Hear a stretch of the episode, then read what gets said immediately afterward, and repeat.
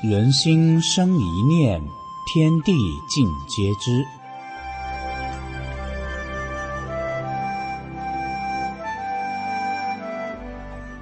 听众朋友，您好，欢迎收听明慧广播《善恶一念间》节目。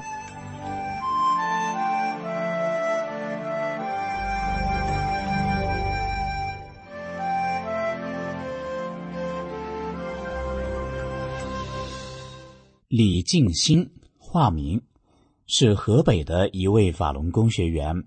他所在的村子里有几个人在身患绝症后，在绝望无助中，因承念“法轮大法好，真善人好”这九字真言，从而神奇康复。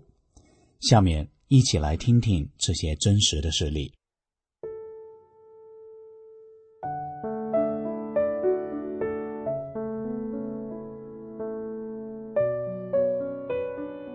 第一个真人真事，一位老乡患了食道癌，在石家庄做了手术，回家后，李静心去看他，他的喉头还留有一个洞。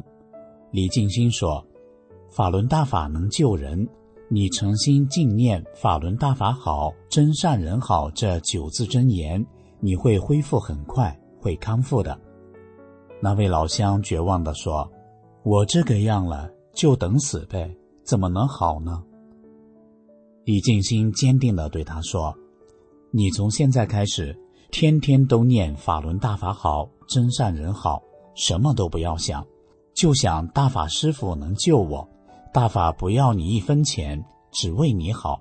你只要信，大法师傅就管你。”他爽快地答应了，还经常看大法真相资料。半年后。他有了明显的变化，两年后，他能参加一些社会活动了。他是电工，还能爬杆修电了。五年过去后，他彻底康复了，状态很好，家人都高兴，一家人生活得很好。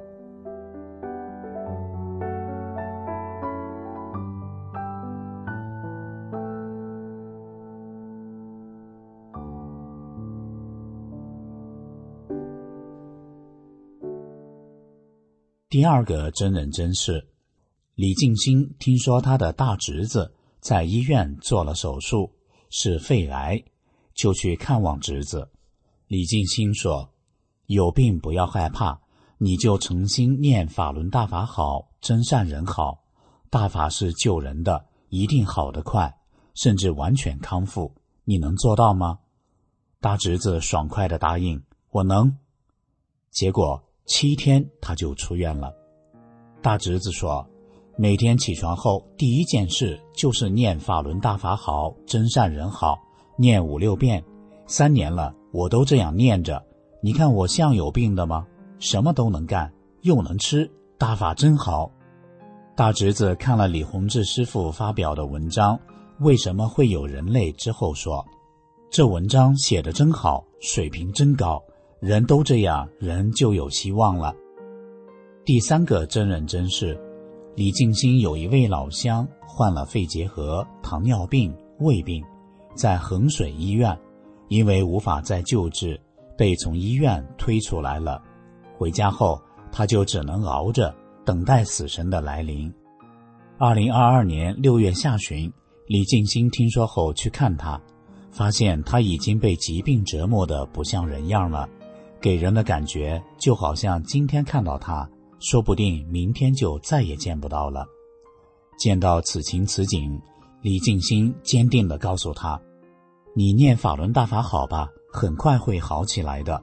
心中只要想着法轮功师傅能救你。”他立即答应了。李静心又给了他大法真相资料。当时他家人对李静心说的不屑一顾，病人的儿子对他妈说。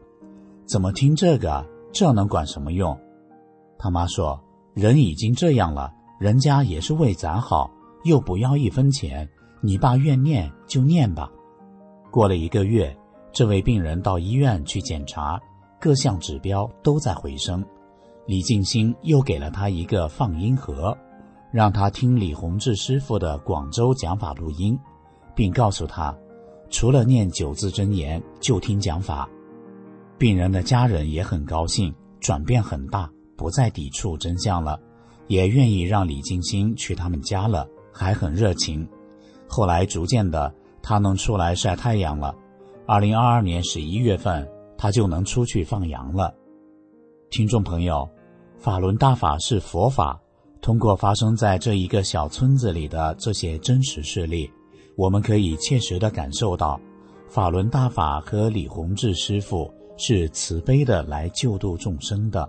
只要你坚定的信，就会得到你意想不到的效果，就会出现奇迹。